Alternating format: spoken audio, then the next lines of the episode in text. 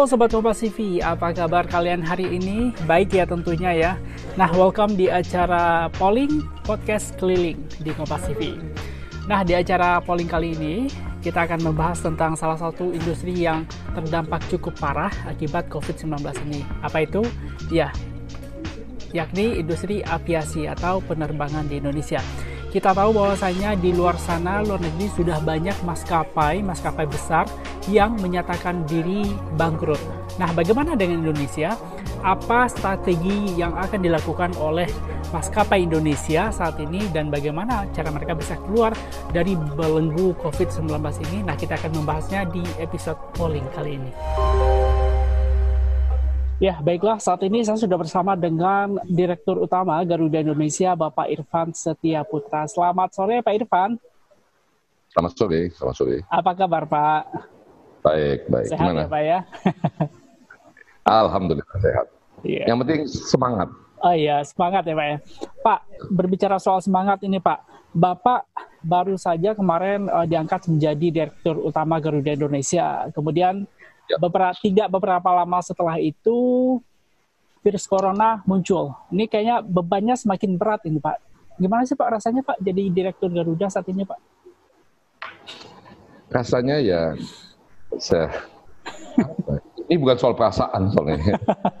Tapi kan ini, jadi uh, uh, ketika ketika saya terima ini, kan tentu saja uh, tahap lanjut dari menerima ini, uh, jabatan ini adalah amanah kan. Saya saya nggak coba mau bicara normatif, tapi di balik amanah itu kan ada rasa tanggung jawab gitu kan. Mhm. Nah, tanggung jawab inilah yang yang yang saat ini sedang kita saya dan teman-teman direksi yang lain sedang mencoba untuk melaksanakan tanggung jawab kita Mhm. dan saya selalu katakan sama diri saya sendiri dan teman-teman direksi satu hal yang jangan pernah eh, dilakukan dalam situasi seperti ini yaitu apa mengeluh Mhm. Ya kan? karena menurut saya mungkin nggak ada eh, eh, kalau nggak ada nggak ada nggak ada teori lah Mhm. atau nggak pernah nggak ada yang orang punya pengalaman ngadepin situasi pandemi kesehatan ekonomi internet seluruh dunia terus eh, menyelesaikan masalah yang dihadapi di industri penerbangan berkaitan dengan apa yang terjadi saat ini itu kan menurut saya mungkin eh, informasi atau referensi kan terbatas. Jadi nah, ini memang menjadi tantangan buat kita menghadapi itu. Tapi kembali lagi eh, saya selalu katakan jangan mengeluh. Ya kan? Itu yang pertama. Karena mengeluh, mengeluh tidak mem- mem- membawa perubahan apa-apa. Mhm. Semangat, terus kemudian berpikir positif, kerja keras, Mhm. ya kan? Dan jangan lupa berdoa. Siapa tahu kan masa nggak dikasih jalan. Amin, amin Pak. Dari semua itu tentu saja ke saya kalau diminta wawancara selalu bersedia karena bagian dari itu harapan saya adalah eh, mendapat support dari tim Anda dan juga dari masyarakat luas. Oke Pak, Eh, baik Pak. Eh, semenjak kita langsung aja ke beberapa poin yang ingin saya tanyakan. Semenjak ada virus corona ini, uh, traveling menjadi sebuah hal yang dilarang oleh pemerintah karena memang dapat me- dapat menjadi salah satu tempat penyebaran dari virus corona. Nah, eh, banyak perusahaan-perusahaan aviasi yang saat ini eh, bahkan mereka tutup begitu. Sekarang saya mau tanya keadaan Garuda saat ini seberapa parah sih Pak? Oke, eh, kita ini eh, bukanlah sebuah perusahaan yang terisolate atau punya kekhususan ketika ngomong dan bicara di tataran industri aviasi atau industri penerbangan. Jadi apa yang terjadi di seluruh dunia terjadi juga di kita. Memang kita punya eh, model bisnis atau eh, market segmen kita berbeda dengan beberapa airlines lain yang berbasis hub ya seperti SQ, Qatar, Emirates maupun Turkish, Etihad ya. Hati-hati. Kita punya eh, keuntungan karena salah satu market terbesar kita itu adalah domestic market. Oke. Jadi, Kondisi Indonesia yang banyak pulau ini eh, sebenarnya merupakan sebuah market yang yang yang yang sangat menguntungkan buat Garuda ya.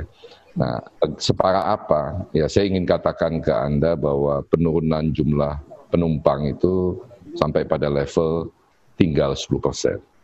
10 persen dari total. Dan itu tidak terjadi dalam waktu yang lama, tapi drastis ya pada waktu uh, uh, dimulai ketika umroh dilarang atau ditutup hmm. ya dan kemudian uh, uh, ditemukan penderita COVID di Indonesia. Jadi pada saat itu dan ketika kampanye pemerintah untuk work from home, pada dasarnya itu kan memberitahu semua masyarakat dan kita juga baca di semua media bahwa bergerak atau melakukan mobilisasi itu sebuah perbuatan yang uh, diminta untuk dihindari. Ya otomatis karena fundamental daripada bisnis kita adalah mobilisasi, ya otomatis langsung terjadi penurunan secara signifikan dari jumlah penumpang. Nah jumlah penumpang itu kontribusi ke kitanya besar sekali sehingga penurunan itu tentu saja menimbulkan impact yang berat buat perusahaan. Uh, bisa dijelaskan lagi Pak, uh, tadi Bapak menyatakan keuntungan kita adalah uh, memiliki uh, pasar domestik yang cukup besar karena kita tidak berbasis hub. Ini keuntungan uh, seperti apa Pak? Karena kan di tengah pandemi COVID-19 ini kan uh, pemerintah pun juga mengeluarkan travel restriction begitu tidak tidak boleh terbang. Ini kan sebenarnya sama aja Pak. Beda domestik dan internasional apa Pak maksudnya? Ya, domestik itu akan sangat dipengaruhi sama uh, aturan yang dibuat oleh pemerintah pusat, pemerintah daerah yang punya keunikan kondisi masing-masing dan tentu saja juga uh, apa uh, psikologi dari penumpang Kenapa saya katakan domestik ini berbeda? Karena di Indonesia orang terbang itu biasanya karena tiga faktor. Yang pertama karena dinas atau tugas, okay. Jadi, karena pekerjaan dia harus terbang. Uh-huh. Uh, yang kedua adalah karena liburan, karena masih banyak orang Indonesia dan itu yang membanggakan buat kita adalah bahwa masih banyak orang Indonesia berlibur di Indonesia dan kita bersyukur bahwa di Indonesia itu punya banyak tempat-tempat yang fantastis, baik dari segi pemandangan maupun dari segi kuliner. Mm-hmm. Kalau saya yang kedua lebih banyak ya, mm-hmm. berlibur. Dan yang ketiga, tipe yang ketiga adalah yang terbang untuk sosialisasi. Mm-hmm. Maksud saya sosialisasi ini adalah Anda mengunjungi kerabat, lebaran, mudik, ya kan. Orang tua sakit, uh, kawinan, Sabtu Minggu kita kan sering dapat undangan kawinan di luar kota. Hmm. Dan yang terakhir tentu saja misalnya uh, uh, ada yang meninggal kita melayat. Gitu kan. Hmm. Nah, tiga tipe ini uh, uh, mendominasi dan memberikan kontribusi yang sangat positif terhadap uh, bisnis Garuda.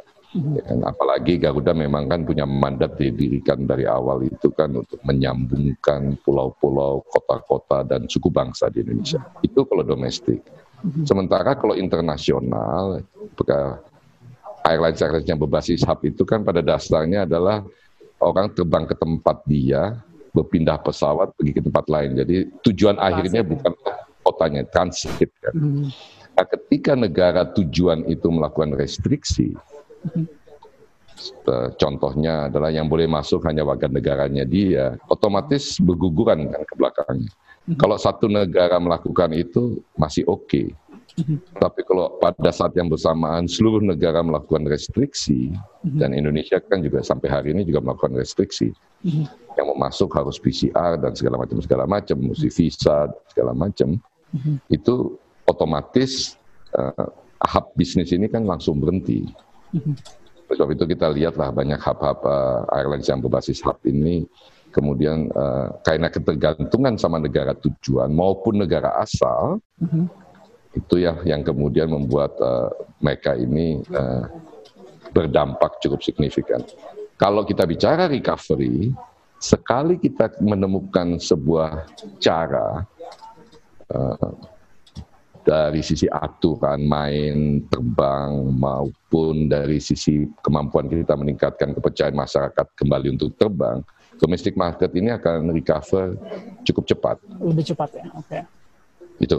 Oke. Okay. Ya. Jadi uh, ketika orang percaya bahwa terbang dengan Garuda aman dan nyaman, mestinya mestinya semua orang akan dengan mudah terbang. Oke, okay. uh, eh, pada saat pelemahan uh, apa pelonggaran PSBB ini sudah mulai dirasakan, Pak? Pelonggaran ada peningkatan. PSBB Ada. Ada peningkatan tapi belum signifikan. Karena apa? Karena masih banyak orang bertanya-tanya, ya kan. Plus kemudian secara uh, tujuan terbang ini uh, pemda-pemda di beberapa tempat itu melakukan modifikasi-modifikasi tertentu. Mm-hmm. Kita sebagai airlines itu uh, wajib dan patut mengikuti. Jadi kita selalu menyarankan ke mereka yang mau terbang ke satu lokasi tertentu Uh, misalnya contohnya hari ini uh, Bali ya, Bali masih menerapkan PCR dan kami hormati sekali. Kita menyampaikan kepada mereka yang mau ke Bali, uh, kalau Anda mau ke Bali, pastikan Anda uh, punya hasil tes PCR. Gitu. Hmm, okay. Gitu. Uh, uh, kalau dihitung-hitung Pak, berapa sih kerugian Garuda sampai saat ini Pak? Semenjak ini. pandemi ini? Ya, kalau Anda punya gini, rugi atau untung itu kan sebuah formula yang sederhana dari pendapatan dikurangi biaya kan. Atau profit itu sama dengan revenue dikurangin cost. Kalau tadi saya katakan 90% penumpang turun itu kan Anda bisa bayangkan uh, revenue-nya turun seberapa besar. Nggak otomatis 90%, tapi di kisaran-kisaran angka-angka segitu.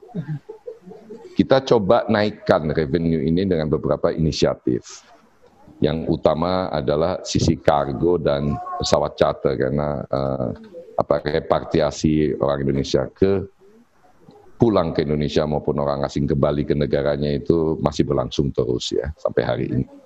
Itu itu jadi banyak charter kemudian kargo karena walaupun orang tidak boleh melakukan mobilisasi barang kan harus tetap bergerak ya terutama ya. untuk barang-barang pokok dan mhm. hasil-hasil produksi. Jadi itu lagi kita tingkatkan. Memang ada peningkatan cukup signifikan, tapi belum bisa menutupi secara secara bahasa kekiniannya nendang lah untuk menutupi oh, kekurangan revenue itu. Di sisi yang lain, kita, karena revenue-nya turun cukup drastis, kita harus juga menurunkan uh, biaya secara drastis. Sayangnya di structure mayoritas industri penerbangan, uh, biaya itu banyak yang nggak bisa dijadikan variabel, banyak yang sifatnya uh, fix. Contohnya ada leasing pesawat. Oke. Okay. Ya, ketika tidak terbang ya kita tetap harus bayar kan. Mm-hmm. Nah, ini yang menantang karena hampir 70% dari pesawat kita hari ini diparkir. Mm-hmm. Ya karena tidak ada kebutuhan terbang ya. Jadi, nah biayanya kan muncul. Ya. Ya kan. Sementara tidak ada uh, pendapatan karena parkir kan. Jadi kalau anda uh, ngomong misalnya kayak di pabrik gitu ya, uh, pesawat itu alat produksi, ada biaya. Oke. Okay. Ya kan? Okay, Tapi nggak ada pendapatan. Itu. Ya. Jadi penurunan daripada sisi biaya itu tidak terlalu signifikan, nggak bisa ngikutin secara linear. Mhm. Ini yang terus kita lagi lakukan percepatan penurunan cost sambil kita coba terus menerus meningkatkan revenue. Oke, okay. uh, angka pastinya belum dapat ya Pak, ya? kira itu sekirahan berapa? Uh... Saya sebenarnya pengen sekali ngasih tahu Anda, tapi ini angka ini dinamis. Hari ini saya ngomong ini, besok belum tentu okay. Benar. Karena bisa lebih parah atau lebih membaik gitu kan. Iya, baik. Ya, Tunggu aja seperti... nanti laporan uh, keuangan kita, kuartalan kan kita TBK. Kuartal 2 ya. Oke, baik Pak. Uh, tadi Anda sebutkan 70 persen uh, dari pesawat yang ada di Garuda Indonesia ini diparkir. Kalau saya tadi lihat di website Garuda ada sekitar 142 pesawat yang dimiliki Garuda. Nah, uh, sebenarnya ini Pak, kalau 70% pesawat yang diparkir, sementara uh, pemerintah juga hanya memperlakukan uh, maksimal flight itu uh, diisi dengan 70 persen, 70 persen juga dari kapasitas penumpang. Ya. Ini akan berpengaruh ke harga tiket nggak Pak? Nah, ini. Kalau saya lihat di harga tiketnya rata-rata tinggi berada di pada level batas atas dari yang sudah ditetapkan pemerintah, Pak. Ya, jadi uh, uh, konsekuensi logis lah ya bahwa ketika kita menghitung uh, profitability dari setiap kali terbang, mm-hmm. tentu ada minimum level load factor istilahnya ya. Mm-hmm. Nah, uh, persoalannya hari ini adalah Anda nggak bisa paksakan load factor itu untuk memenuhi pada titik di mana mulai untung setiap penerbangan itu. Kenapa? Mm-hmm. Karena uh, salah satu cara untuk load factor itu mencapai angka yang Anda inginkan, misalnya 80-90 persen, mm-hmm. Anda harus menghindari physical distancing. Mm-hmm. Dan Garuda nggak mau, committed tidak mau terlibat soal-soal itu. Mm-hmm. Jadi kita sangat mendukung inisiatif atau kesepakatan mengenai physical distancing ini. Mm-hmm. Nah tentu saja ada implikasi daripada keuntungan per penerbangan, ya kan?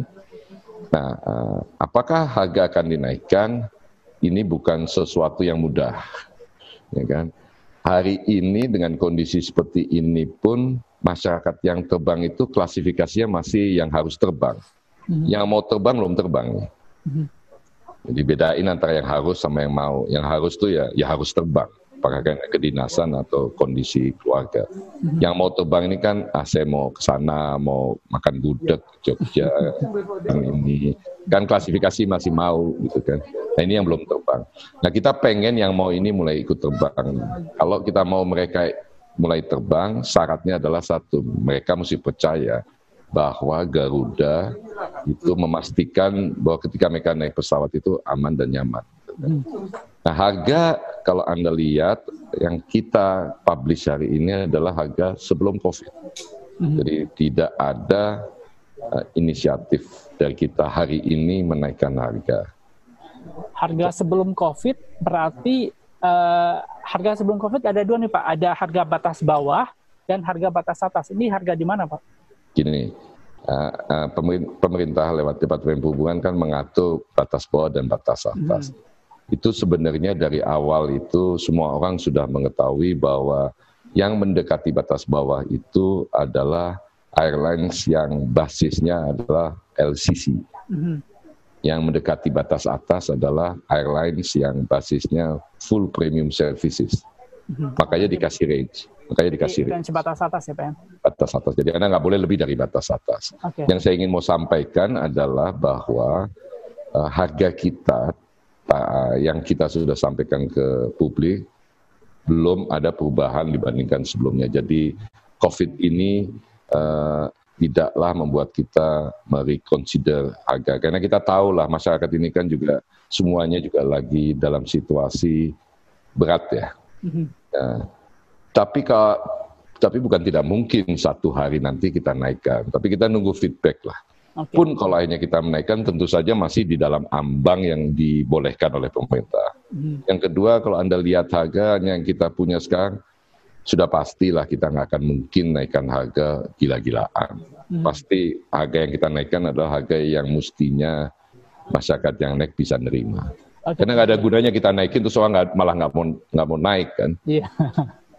Berarti sekarang masih berada di dalam batas uh, yang ditetapkan pemerintah ya Pak ya? Iya. Oke. Okay. Pasti, pasti. Uh, balik lagi Pak ke tadi Pak yang soal leasing pesawat. Dari 142 pesawat ini yang uh, di leasing berapa Pak? Hampir may, uh, mayoritas leasing. Mayoritas, leasing. Yang mayoritas. dimiliki Garuda berapa Pak? Uh, gini, milik Garuda itu apakah leasingnya sudah selesai? Kita nggak ada. Hmm. Memang bisnis airlines ini adalah memang menghindari kepemilikan pesawat. Milik itu maksudnya adalah sudah kita beli terus kita kita kita, kita operasiin. So mayoritas lah itu adalah leasing. Hmm. Ya kan? Karena kalau anda tahu harga pesawat satu aja, mungkin kalau kita beli pesawat itu kita mungkin punya cuma 15 gitu kan. itu itu. itu. Oke. Okay. Nah uh, terus pak, um, uh, strategi Anda untuk keluar dari pandemi, uh, keluar dari masa-masa sulit pandemi ini terhadap Garuda Indonesia ke depannya seperti apa Pak? Apa langkah-langkah yang dilakukan nantinya Pak? Oke, okay. jadi pertama survival. Hmm. Kita mesti lewatin ini dalam kondisi seberat apa pun. Oke. Okay. Nah, kalau kita kaitkan, ini ada finansial ada non finansial ya. Mm-hmm. Uh, finansial seperti saya sampaikan tadi adalah penurunan revenue yang uh, disebabkan oleh penumpang yang tidak naik terbang ini kan mesti kita ganti nih kan sambil dari waktu ke waktu kita melihat uh, apa lagi yang kita bisa lakukan dari sisi cost. Nah, hari ini yang saya bisa share sama Anda adalah kita lagi negosiasi sama semua lessor mereka yang sewakan ke kita untuk uh, menurunkan biaya sewa per bulannya. Oke. Okay. Itu yang kita lakukan. Yang kedua tentu saja internal banyak kemewahan yang ketidakperluan yang selama ini biasa kita coba kurangin, ya kan. Uh, memang ada mulai berita di luaran soal SDM, tapi buat kami Garuda kita komit sebagai BUMN juga dan saya sebagai pribadi juga PHK itu adalah pilihan terakhir gitu kan.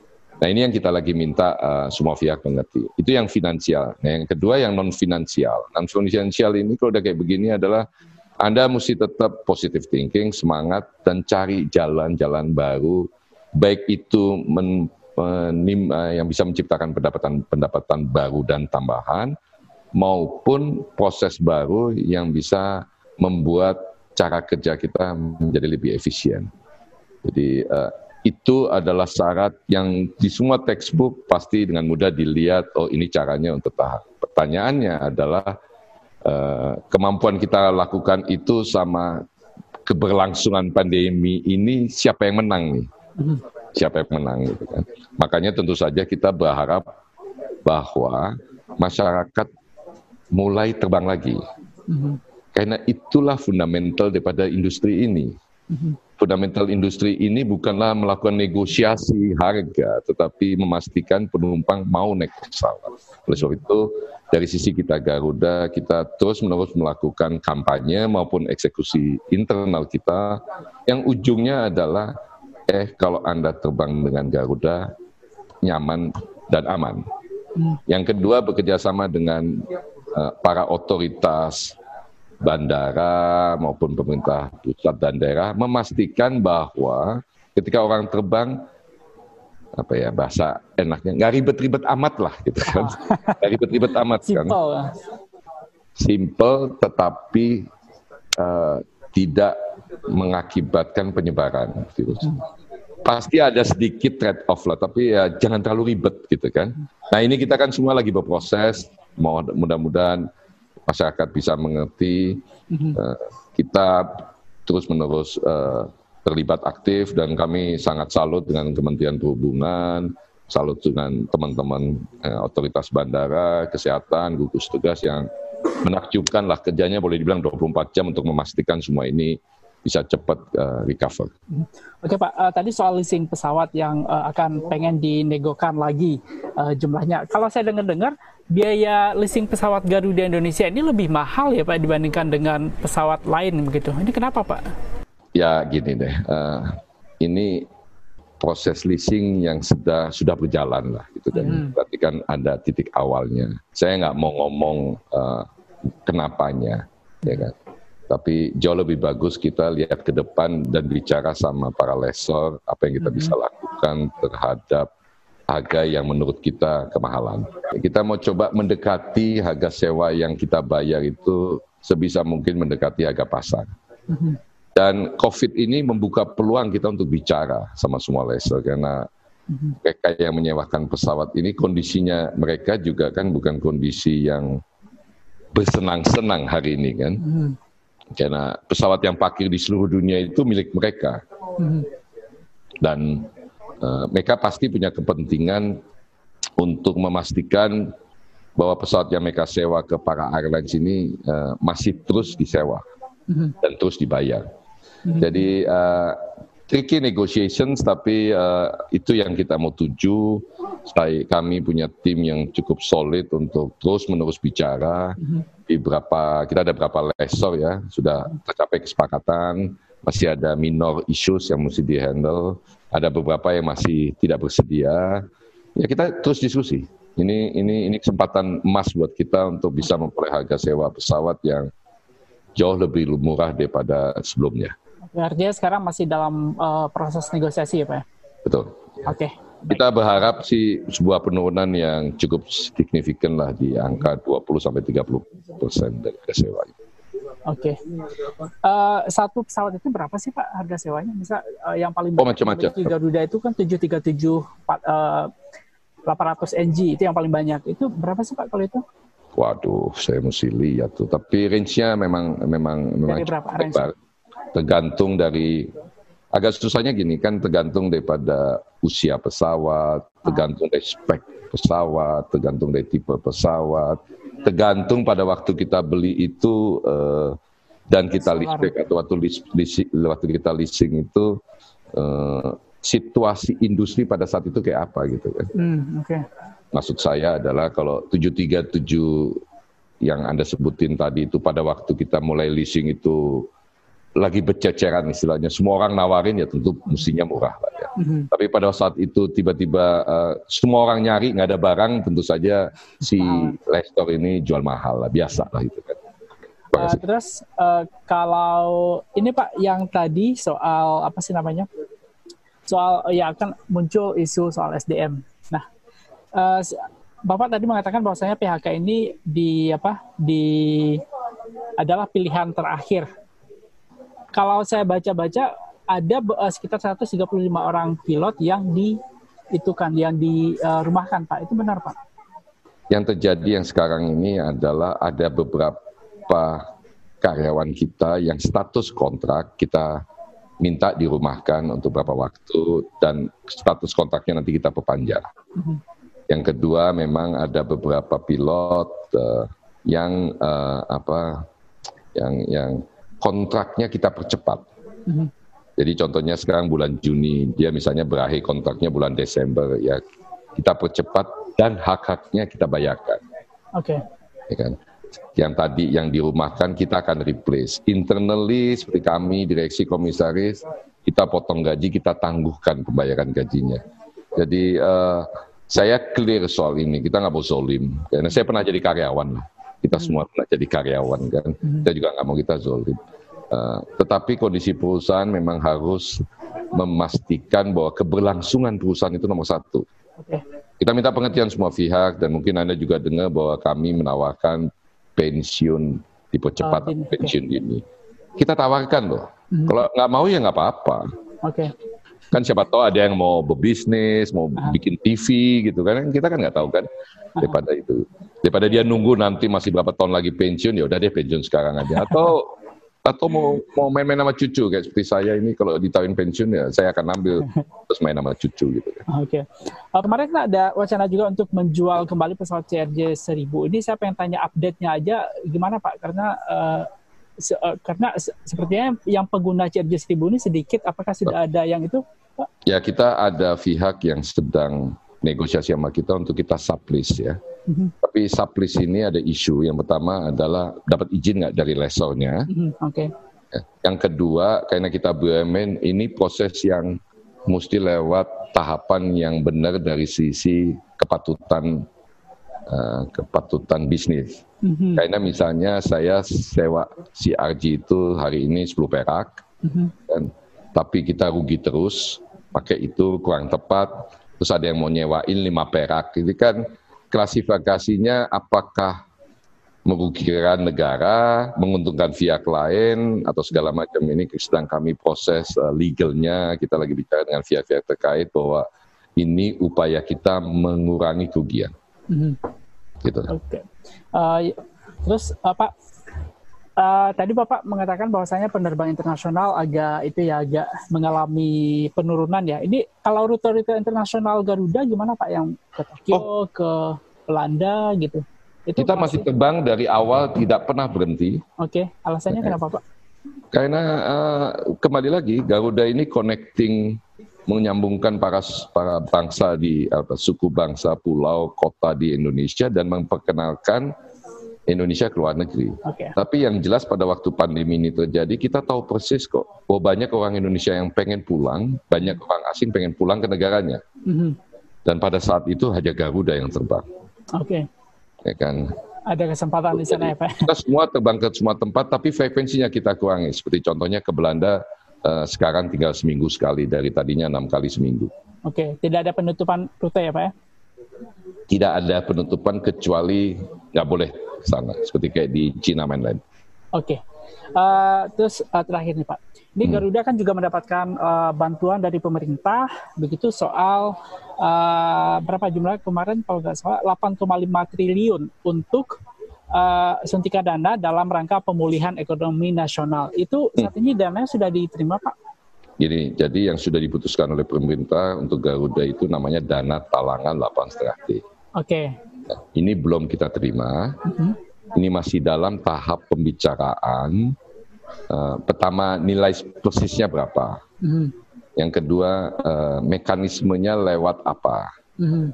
Uh, terus syaratnya apa. Oke. Okay. Tentu saja kami ingin memastikan bahwa para pemegang saham kita dalam hal ini yang diwakili oleh Kementerian BUMN dan Kementerian Keuangan melakukan proses talangan ini sesuai dengan aturan dan compliance ya. Oke. Okay. Nah, itu itu yang terjadi. Jadi sampai hari ini kita bicara ini prosesnya baru masih dalam tahap awal. Mhm. Kita juga memang banyak yang nanya. Terus nanti danya mau dipakai apa? Ya mhm. tentu saja kita pengennya dipakai A B C D E F G gitu kan. Ya. Nah ini nanti dalam pembicaraan tentu saja akan di, akan ada syarat bahwa Garuda kalau dapat ini nanti anda hanya boleh pakai buat A, B, C, okay. F gitu, yang D nggak boleh gitu kan.